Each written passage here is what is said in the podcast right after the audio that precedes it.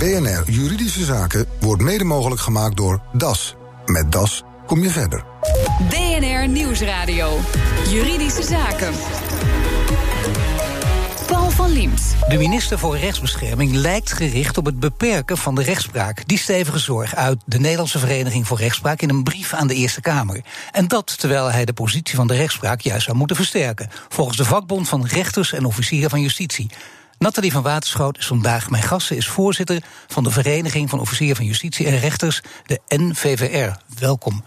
Dank u wel. Ja, we horen regelmatig uh, alarmerende berichten, ook letterlijk uh, in, in, die zin van het woord, over de Poolse en de Hongaarse rechtsstaat. Uh, zou de blik meer naar binnen moeten zijn in Nederland? ja, wij als NVVR vinden dat wel. Wij vinden dat het tijd is om ook naar de rechtsstaat Nederland te gaan kijken, hoe die ervoor staat. En uh, wat er kan en wellicht wel moet worden verbeterd. Ik vraag het ook omdat je zou denken: ja, het is lekker makkelijk ook. Het leidt een beetje af ook. We hebben het over Polen en Hongarije. Bij ons is alles, uh, verloopt alles vlekkeloos. Maar dat is niet waar. Is het wel waar dat wij soms af en toe een beetje op Polen en Hongarije lijken? Of gaat het te ver? Uh, dat laatste, denk ik, gaat te ver. Uh, wij staan, als we kijken uh, naar de internationale onderzoeken, nog steeds ver bovenaan als het gaat om het sterke rechtsstaat. maar er zijn wel zorgen. Wat zijn de zorgen? De zorgen die uh, ja, zijn er, uh, dat zijn er meerdere. Uh, nou, de zorgen tijd, zitten dus, intern, zeg maar, in de rechtspraak zelf. Er is al jarenlang bezuinigd, dus we hebben te weinig mensen, te weinig goede middelen om goede rechtspraak te kunnen blijven bieden. Tegelijkertijd zien wij ook een ontwikkeling waarin de toegang tot de rechtspraak ja, wordt beperkt. Zowel uh, de fysieke toegankelijkheid uh, als de financiële toegankelijkheid. Hoe komt dat dat die fysieke toegankelijkheid wordt beperkt? Ja, fysiek, daar bedoel ik mee dat er. Uh, dat heeft te maken met de schaalvergroting van de laatste jaren. Dat de locaties zijn gesloten zodat mensen echt moeten gaan reizen, willen ze ons kunnen bereiken. Steeds minder rechtsgebouwen ook om, om te bezuinigen. Ja, precies. Ja, ja, want dat is een bezuinigingsmogelijkheid hè, om uh, gebouwen te sluiten, zodat daar de kosten niet meer naartoe gaan of de kosten niet meer worden, uh, daarmee geen kosten meer worden gemaakt. Maar je wil dat mensen natuurlijk zo goed mogelijk en zo dicht mogelijk uh, geholpen kunnen worden altijd. En dat er ook genoeg geld voorhanden is, dat is er niet. Nu wordt er wel vaak gezegd, ja, maar kom even, dat, is een schuld van bijvoorbeeld de Raad voor Rechtspraak zelf. Die hebben een heel groot digitaliseringsproject opgezet, KEI, kwaliteit en innovatie. Is mislukt, 200 miljoen heeft dat gekost. Het verhaal is al vaker voorbij gekomen. Had je die fout maar niet moeten maken, was er niks aan de hand geweest. Ja, dat geluid ken ik ook. Oh, toch wel. Maar er, is, ja, maar er is wel wat meer aan de hand. Hè. Er zijn al bezuinigingen opgelegd aan de rechtspraak uh, door kabinet Rutte 2. Waarin we al met beperkte middelen nog steeds goede rechtspraak moeten blijven bieden. Uh, er is ook een herziening van de gerechtelijke kaart geweest. Waardoor er ook al kantoors, uh, kantoorsluitingen zijn geweest. Wat is dat, herziening van de gerechtelijke kaart? Ja, dat is dat we de, de, de hebben gekeken. Ja, niet we, maar de politiek Den Haag. Samen met de raad. Ja. Wij zijn blijven natuurlijk de beroepsvereniging en ja. Um, maar uh, ja, hoe, hoe de organisatie van de rechtspraak op een andere wijze kan worden ingericht. En in die inrichting, die nieuwe inrichting, zijn er ook veel uh, kantoorsluitingen en gerechtbouwen gesloten. Ja, dus Daar is toen veel kritiek op geweest. Tuurlijk, ja. nee, dat heeft er ook mee te maken. Maar toch ook uh, hand in eigen boezem dat dat een totale mislukking is geweest, dat kei. Het, het kei, ja. Ik las een groot deels. interview met Frits Bakker in de Volkskrant en daar werd hem echt een mantel uitgeveegd. Ja, dat en klopt. En er weinig tegen in te brengen. Ja, ja en nee. Weet je, we hebben vanaf het begin uh, uh, ook wel onze zorgen geuit over, dat, uh, over kei. Uh, en ik denk dat de ambitie, zoals we dat dan noemen, veel te groot is geweest. We wilden zowel automatiseren als digitaliseren. En uh, nou, gebleken is dat dat, uh, dat dat heel lastig is in, uh, in rechtsgebieden die al eeuwenlang zijn gegroeid. Ja, maar ook bleek dat je het uiteindelijk zelf wat betaalt, waardoor je dus inderdaad zo enorme schadeposten bent opgelopen, hebt opgelopen. Ja.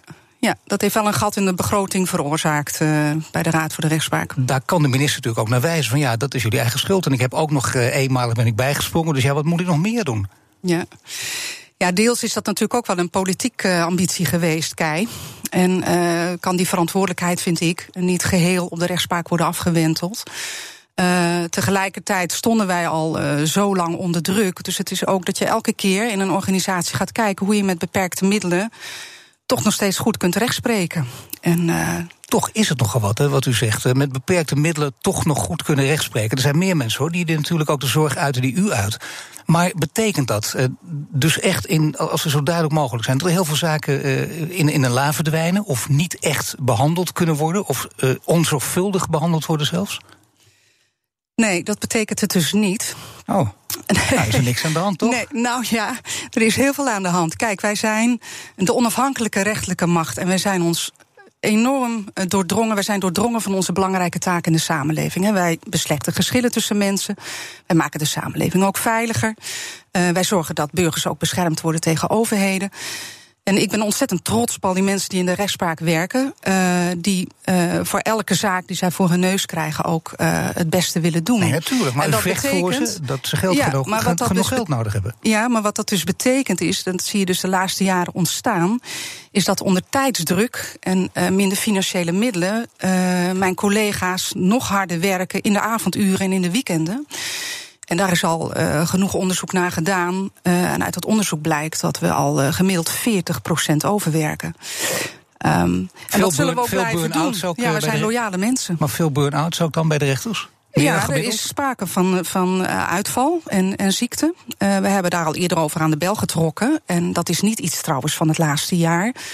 Uh, dat is al uh, de laatste jaren zelfs gaande. Nee, nou, er is dus wat aan de hand. Maar u zegt, nou, uiteindelijk valt dat nog wel mee. Want het is niet zo dat zaken onzorgvuldig worden behandeld of niet worden behandeld. Of, of langdurig ten zijde wordt geschoven. Terwijl we hebben die vaak in deze uitzending uh, collega's van u, collega rechters te gast gehad. Ook een van uw voorgangers, Maria van der Schep En die zeggen allemaal: accidents are waiting to happen. Allemaal ja. in het Engels, dat nou. wel. Maar toch, er staat dus wel iets te gebeuren als er niet wat. Wat kan er dan gebeuren? Nou ja, dat dus. Dat er fouten worden gemaakt. Maar wat zijn en dan dat we te weinig uh, tijd hebben om die zaken nog steeds goed te kunnen blijven doen. Want als de collega's uitvallen dan zijn er nog minder schouders die, uh, die de zaken kunnen dragen. Maar, en, uh, kijk, maar, gebeur, maar gebeurt dat nu al of niet? Jazeker. Ja. Dus worden nu al fouten gemaakt, worden nu al zaken onzorgvuldig behandeld? Nou ja, dat, dat weet ik niet. Ik, hoop, ik mag hopen van niet. Maar uh, het risico, vind ik, moet worden uitgesloten. We zijn een onafhankelijke rechtelijke macht waar de samenleving van afhankelijk is. En daar mag ook uh, wat geld tegenover staan. Ik denk dat de wetgevende macht uh, zich uh, ja, daarvan bewust moet worden dat zij ook ons in het zadel moeten houden. Nee, het is belangrijk genoeg natuurlijk. En, en uh, daar mag dat best gezegd worden. Tenminste, zeker als je het, als je, als je het 100% stellig kunt, uh, kunt vertellen. En ook weet dat er fouten worden gemaakt en dat zaken niet worden behandeld. Want dan staat de rechtsstaat echt onder druk. En dan, dan kun je inderdaad zeggen, nou wij denken dat het in Nederland niet voorkomt en dat gebeurt dus toch. Want iedereen die ooit met de rechtszaak eh, te maken heeft gekregen, die, die, die denkt dat kan niet waar zijn in Nederland. Dat mijn zaak niet goed genoeg wordt behandeld. Maar de rechtsstaat, ja, vinden wij, staat nu wel onder druk. Ook de rechtspraak. Want heeft u wel eens een juridisch geschil gehad, als ik u vragen mag? Nou, daar gaat u niks aan.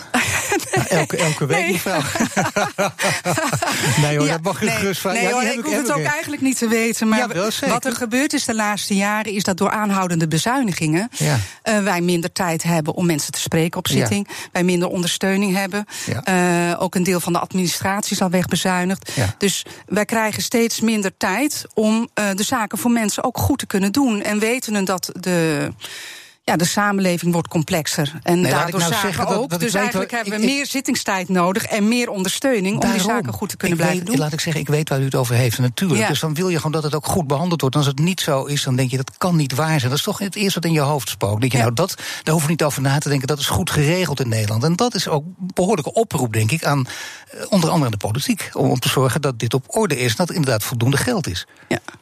Nou ja, dat, dat, is het dus precies. Dat is een oproep aan de wetgever en aan de uitvoerende macht. Maar is de minister dan uh, horende doof of begrijpt hij het niet? Nou ja, ik mag hopen dat de minister het, het, nu begrijpt. Want ik denk dat de geluiden van het laatste jaar uh, uh, veelvuldig zijn. Dat het zo niet meer kan. Dat er gewoon niet meer verder kan worden bezuinigd. Sterker nog, dat er moet worden geïnvesteerd in de rechtspraak, willen wij. Uh, uh, ja, kwalitatief hoogwaardige rechtspraak kunnen blijven bieden. Maar voor mensen die dit horen, die denken, ik, ik ben het helemaal met u eens op dit gebied. Maar heel veel mensen die het horen, kunnen denken, ja, maar er wordt altijd geroepen in sectoren. Als er iets moet gebeuren, zeggen ze allemaal, er moet geld bij. Kun je het op een creatieve manier misschien ook al doen. Dat je met minder geld toch tot dezelfde, eh, dezelfde uitkomsten kan komen. Is het in uw geval ook mogelijk? Of is dit geen discussie? Moet er gewoon geld bij en weet de minister dat inmiddels ook? Nou, vanuit de NVVR vinden wij dit geen discussie meer. Uh, en we hopen ook dat het dat niet meer wordt. Um, om gewoon goed uh, goede beslissingen te kunnen nemen en goed uitspraken te kunnen doen, moeten wij voldoende tijd hebben, goede juridische ondersteuners hebben, goede stafjuristen die het complexe recht voor ons bijhouden, uh, goede administratie. Um, en vooral ook voldoende zittingstijd. Kijk, en je ziet dus wanneer er bezuinigd wordt, uh, dat vaak er dan wordt gesneden in de ondersteuning. En in uh, de zittingstijd, hè, wij als rechters zijn uh, voor het leven benoemd, dus ons valt wat lastiger, lastiger te ja. bezuinigen. Uh, maar als in die andere um, velden wordt bezuinigd, komt er nog meer werk bij ons moet terecht. En dat zelf is dus... doen en straks moet je ook nog je eigen koffie gaan zetten. Ja, nou doen we trouwens ook al. Eigen jas ophangen? Nee, dat gebeurt al. Nee, natuurlijk. Maar maar de ondersteuning, als die wegvalt, daar begint het mee natuurlijk. En uiteindelijk leidt het tot iets uh, tamelijk rampzaligs, als we tenminste Ibo Burema mogen geloven. Raadslid van de Hoge Raad, de hoogste rechter in Nederland. Die zegt, de rechterlijke macht uiteindelijk verliest grip op de zware criminaliteit. Als het zo verder gaat. En het is nu al het geval. Onderstreept u dat? Um, Uh, nou ja, daar kan het natuurlijk wel toe leiden. Ik, ik, ik heb te weinig kennis daar van het strafrecht om, om die conclusie ook over te nemen. Als uh, Ibo uh, Burema dat zo naar voren brengt, denk ik wel dat ja. hij met zijn kennis dat hij wel onderbouwd zegt. Kijk, ik ben zelf een bestuursrechter en daar zie ik in dat veld ook al grote problemen opdoemen. Ja, die zie ik zeker. En wat zijn die en ik hoor het problemen? ook van mijn collega's in het civiele recht. Um, nou, neem, neem uh, het bijstandsrecht bijvoorbeeld. Mensen die afhankelijk zijn van een bijstandsuitkering. Uh, het leven, hè, het samenleven wordt ook steeds uh, diverser en complexer. En dat betekent dat het, het recht ook complexer wordt. Bijvoorbeeld om te beoordelen of mensen een gezamenlijke huishouding samenvoeren. Dat is een lastig juridisch begrip, dus daar moeten we al veel tijd aan besteden hè, om dat begrip nader te interpreteren. En daarnaast uh, is het, uh, het feitenonderzoek ook uh, behoorlijk uitgebreid tegenwoordig, omdat vanwege die verschillende samenlevingsvormen het lastig is om ook in een dossier dat goed te kunnen vaststellen. Dus met andere woorden, meer ondersteuning en meer zittingstijd nodig.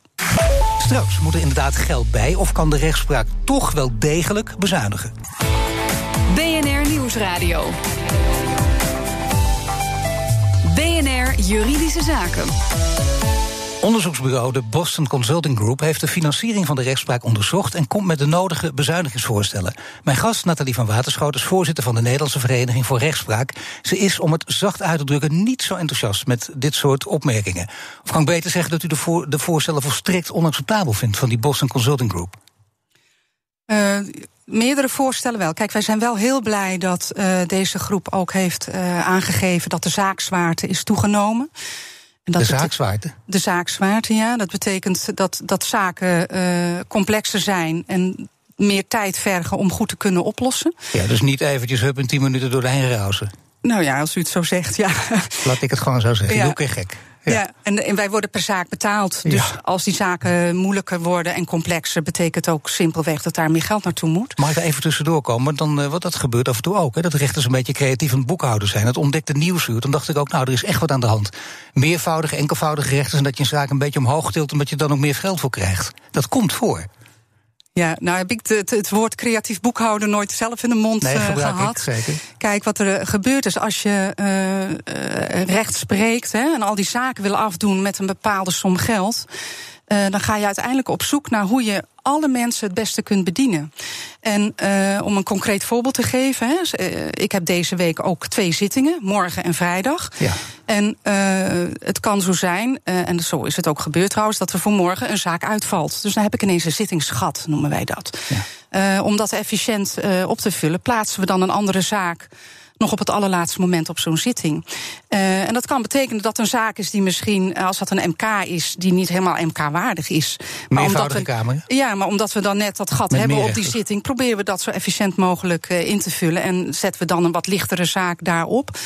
Uh, en die krijgt dan inderdaad de punten van een MK-waardige zaak. Kijk, dat, heet, dat is geen creatief boekhouden. Dat is eigenlijk nee. uh, ja, alle zaken zo, zo goed mogelijk willen afdoen. Goed, maar de Bosse Consulting Group die denkt, en uh, als buitenstaander kun je dat misschien ook denken, geweldige externe bureau. En die kijken waar er toch nog te bezuinigen valt. En u vindt dus hun voorstellen onacceptabel. Wat vindt u echt onacceptabel?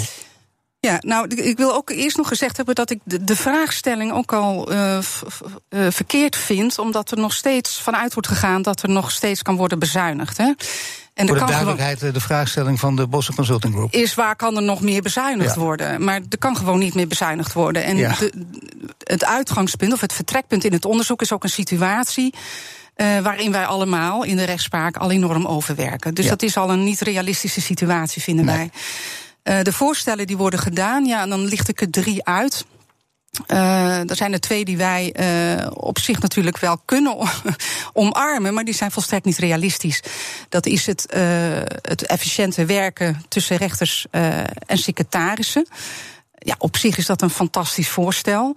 Uh, maar dan hebben we wel genoeg secretarissen nodig. Ja. En er is zo bezuinigd dat we gewoon te weinig secretarissen hebben ja. om al die zaken goed te kunnen nee, afdoen. Dat is inderdaad wel een uh, bijna cabaret, inderdaad, als ik dit. Uh...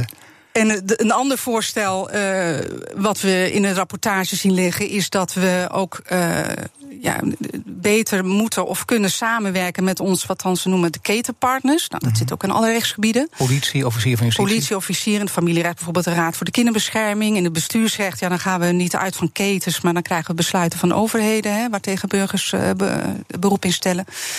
Um, ja, efficiënter ja, en beter samenwerken komt altijd een beetje neer op als uh, je kunt nog harder werken als je geen plaspauze neemt. Hè? Een beetje dat idee. Nou, ja, ja, zo komt u het misschien zien. Nou uh, maar wij zien natuurlijk maar... dat ook in die sectoren ook al enorm is bezuinigd de laatste jaren. En daar is de roep net zo, net zo hard of net zo hoog. Dus de nood is daar net zo hoog. Dus prachtig, maar ik denk ook daar investeer eerst uh, voordat je uh, weer efficiënter kunt gaan werken. Wat wij een volstrekt onacceptabel voorstel vinden, is het sluiten van de locaties. En dat ja. is niks nieuws. Daar zijn we al jarenlang tegen en daar blijven we ook. dat is overigens ook al gaande, zei u eerder in dit gesprek. Ik bedoel dus niet van locaties moeten gaan sluiten, dat is nu al gaande. Uh, nou ja, nou, we hebben al een ronde gehad met locatiesluitingen enkele jaren geleden. Uh, bijvoorbeeld ook in, in, in Noord-Nederland, in die regio. En uh, uit onderzoek blijkt wel dat er een, een sprake is van hogere verstekpercentages. En dat betekent dus dat op die zittingen minder mensen komen. Nu hebben rechters een belangrijke taak. Uh, rechters zijn ook niet voor niets ook uh, voor het leven uh, benoemd. rechters zijn veel meer dan alleen maar een uitvoerende instantie. Die zou even ook zo behandeld kunnen worden. Wordt dat door de politiek Den Haag te vaak gedaan? Dat wij als een uitvoeringsinstantie worden gezien? Ja. Uh, nou, sinds ik voorzitter ben, uh, heb ik wel wat gesprekken uh, in Politiek Den Haag.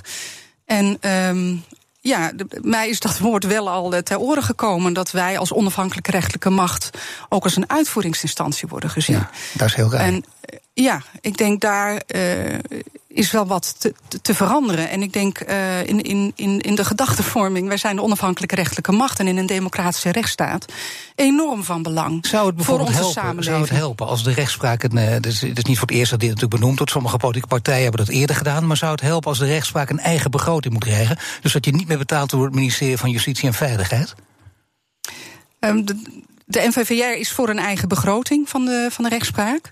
Um, tegelijkertijd blijft het natuurlijk altijd wel enigszins fluïde. Want als er dan ook weer zaken zwaarder worden, moeten er uiteindelijk ook wel weer geld bij in die onafhankelijke rechtelijke macht. Ja. Om uh, goed te bl kunnen blijven rechtspreken. Ja, ja, maar toch uiteindelijk principieel gesproken zou het beter zijn om ze een eigen begroting te ja, om je dat, eigen begroting ja, te geven. dat is ons standpunt. Maar is er nog iets? Uh, je kunt ook zeggen, rechters, wat verdienen die eigenlijk? Uh, want ze hebben dus een belangrijke positie. En dan vraag ik het een beetje om me heen. En denken mensen, nou, is een beetje Zuiders advocaten daarmee vergelijkbaar. Dat begint bij twee ton en het loopt op.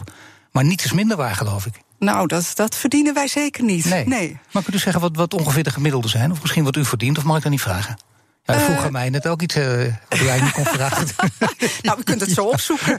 Onze ja. salarissen zijn gewoon uh, ja, heel, heel bekend. tijd voor. Nee, zegt u maar. Nou, ik denk dat een, een, gemiddeld rechtersalaris ligt zo tussen de, de, de, de, de 50 en de 70.000.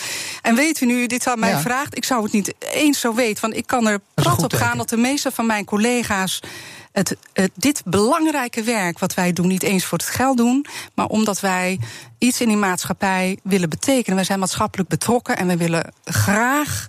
Uh, in die democratische rechtsstaat onze belangrijke taak ook uh, vervullen. Nee, zeker, maar toch wel belangrijk, denk ik, om dit even te horen. Ik weet niet hoe het u vergaat, maar mij vergaat het wel. Zoals ik dat vraag, meestal mensen mensen altijd te hoog schatten. Altijd denken dat rechters veel meer verdienen. Zou, het, zou de rechters uiteindelijk toch meer moeten verdienen ook?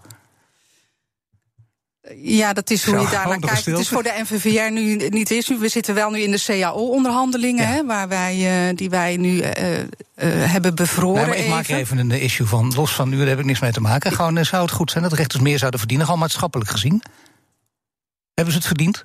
Uh, nou ja, als je kijkt naar onze uh, verantwoordelijkheden en, en onze belangrijke taken in de samenleving, zou je kunnen zeggen: jawel, wij mogen ook meedoen in. in uh, in de salarisverhogingen. Maar tegelijkertijd, nogmaals, is dat voor uh, de meeste van mijn collega's niet het allerbelangrijkste punt. Want dit werk, daar kies je ook echt voor om uh, voor mensen en de samenleving echt wat te kunnen betekenen. Nou, en daar zit de meeste drive. Volgens mij zit u op een mooie plek een stevige strijd te gaan. Ik wens u heel veel succes. Nathalie van Waterschoot, voorzitter van de NVVR. Dank u wel. BNR Nieuwsradio. BNR Juridische Zaken geblokkeerd bij het spel Fortnite, maar geen idee waarom en wat dat betekent. En wat betekent dat voor je in-game aanschaffen? Verslag is van Nelleke van der Heijden. René, de zoon van je vriendin, speelt het spel Fortnite, of speelt, speelde eigenlijk, want hij is geblokkeerd. Wat is er aan de hand? Ja, nou ja, op een gegeven moment uh, wilde hij zijn spel inloggen en kwam hij er niet meer in. En ja, hij weet eigenlijk ook niet uh, waarom hij er niet meer in komt. Stond er ook niet bij bij het inloggen wat het probleem was? Uh, nee, er komt een, een, foutcode. En als je in die foutcode gaat zoeken op het internet, dan, uh, dan kom je wel in een forum uit. Maar dan wordt het dus niet afgewezen van, nou ja, dat was de reden daarom je er niet meer in komt. En het bedrijf communiceert niet over de reden? Nee, die, ze zeggen wel van, ja, wij communiceren via het forum, maar er komen gewoon geen antwoorden op. En de hoeveelheid meldingen zijn zodanig groot dat ik ook niet verwacht dat er snel een antwoord komt. En heeft hij zelf enig idee waarom die geblokkeerd is? En heeft hij zelf niet. Er zijn een, paar voorbeelden die genoemd worden. Eén is het gebruiken van een VPN, wat niet zou mogen. En het tweede is dat je bijvoorbeeld uh, allerlei uh, cheats uh, en hackerscripts hebt draaien die, die je een voordeel geven. Nou ja, die, die scripts heeft hij niet, zegt hij. en die heb ik ook nog nooit op zijn laptop zien staan. En het tweede, een VPN, ja, die gebruikt hij voor andere spellen wel. Maar om daar nou zijn account voor te, te, blokkeren, dat zou ook wel heel erg vergaand zijn. Ja, want als hij een keer VPN heeft gebruikt, is dat per ongeluk gebeurd? Ja, dan zou dat per ongeluk kunnen zijn. En, maar we kunnen dus niet, ook niet achterhalen of dat überhaupt ook de reden is geweest. En dat heeft dus niet alleen gevolgen voor het niet meer kunnen spelen van het spel. Hij heeft er ook flink wat in geïnvesteerd. Gelden van, uh, van vakantiewerk en verjaardagsgeld heeft hij erin gestoken. Dus met elkaar gaat het denk ik toch uh, ja, zeker op 200, 300 euro in, in app aankopen. Zoals bijvoorbeeld uh, skins of virtuele wapens of andere dingen die handig zijn om in het spel te hebben. En daar kan hij ook niet meer bij. Dus hij kan ook niet aan zijn teamgenoten doorverkopen of uitlenen. Dus hij is geblokkeerd en hij weet niet waarom. En tegelijkertijd kan hij niet meer bij zijn spullen. Ja, klopt. En daar hebben jullie dus al wel iets van proberen te achterhalen waarom. Maar het ziet er nu naar uit dat je je erbij neer moet leggen? Nou ja, dat vinden we eigenlijk van niet. We vinden eigenlijk dat na een, een bepaalde afkoelingsperiode... hij gewoon weer bij zijn spullen zou moeten komen. En wij vragen ons af, mag een bedrijf zomaar een dergelijke grote waarde blokkeren en eigenlijk afnemen? Arnold Engelfried van ICT Recht. Kan deze jongen nou op een of andere manier nog bij zijn spullen? Nou, juridisch gezien is dit volkomen ongeregeld. De wet stelt uh, online diensten zoals spellen eigenlijk niet anders dan een uh, schoonmaakster. Of gewone diensten. En in de wet staat dan ook helemaal niets over virtuele spullen, online poppetjes of kredieten die je hebt gekocht bij een online spel. Nou, als die wet er dus helemaal niet is, betekent dat dan ook dat hij er niet achter komt waarom die nou precies geblokkeerd is? De enige manier om erachter te komen wat er is gebeurd, is eigenlijk naar de rechter gaan. En dan zeggen, nou, op grond van hele algemene regels, de redelijkheid en billijkheid eh, noemen we dat, heb ik er toch recht op op te weten wat hier in de dienstverlening is gebeurd. En dan moet het bedrijf uh, maar eens uitleggen waarom ze dat niet hoeven te doen. Ik zeg er wel gelijk bij dat dat dan een wereldwijd precedent zou zijn. Dit soort rechtszaken zijn dan nooit gevoerd. Nee, maar er komt ook wel redelijk wat kosten bij kijken. Nou, als je een gespecialiseerd advocaat inschakelt, dan kom je gauw 200, 300 euro per uur. En puur zakelijk gezien uh, is het natuurlijk niet heel logisch om voor, uh, als het gaat om een bedrag van een paar honderd euro, om dan een dure advocaat in rechtszaken los te laten. Dus raad je het ook af? Ik zou het als jurist natuurlijk hartstikke interessant vinden. Je kunt natuurlijk allerlei kanten ermee op. Als je bijvoorbeeld kijkt naar, uh, is, er, is er gehackt? Zijn gewoon de spelregels overtreden? Of was het een foutje van het bedrijf? Dat kan natuurlijk heel verschillende uitkomsten hebben. Dus voor mij als jurist is het natuurlijk uh, buitengewoon interessant als ze hier een rechtszaak van maken. Maar dan uh, moet deze jongeman wel heel erg principieel zijn en er meer geld tegenaan willen gooien dan die nu kwijt is. En zou het dan enigszins kansrijk zijn dat hij ook weer bij zijn spullen kan? Nou, ik denk dat er puur juridisch-theoretisch best een goede kans is. Als je bijvoorbeeld kijkt naar de nieuwe privacywet, AVG, daar staat in dat uh, je bij uh, besluitvorming rondom jou heb je in principe recht op uitleg over wat er is uh, gebeurd. Dus je zou op grond van die wet denk ik een argument kunnen hebben. Daarnaast lijkt het me in de algemeenheid gewoon heel redelijk dat als iemand je het café uitschopt, dat ze dan zeggen wat je hebt gedaan. En dat zou ik zeggen, in een online dienst zou dat net zo logisch moeten zijn zegt jurist Arnoud Engelfried. En de verslag van Nelke van der Heijden. Heeft u ook een juridische vraag? Mail hem naar juridischezaken.bnr.nl. Dit was de uitzending van vandaag. U kunt de show terugluisteren via de site, de app, iTunes of Spotify. Mijn naam is Paul van Diemt. Tot de volgende zitting. BNR Juridische Zaken wordt mede mogelijk gemaakt door DAS. Met DAS kom je verder.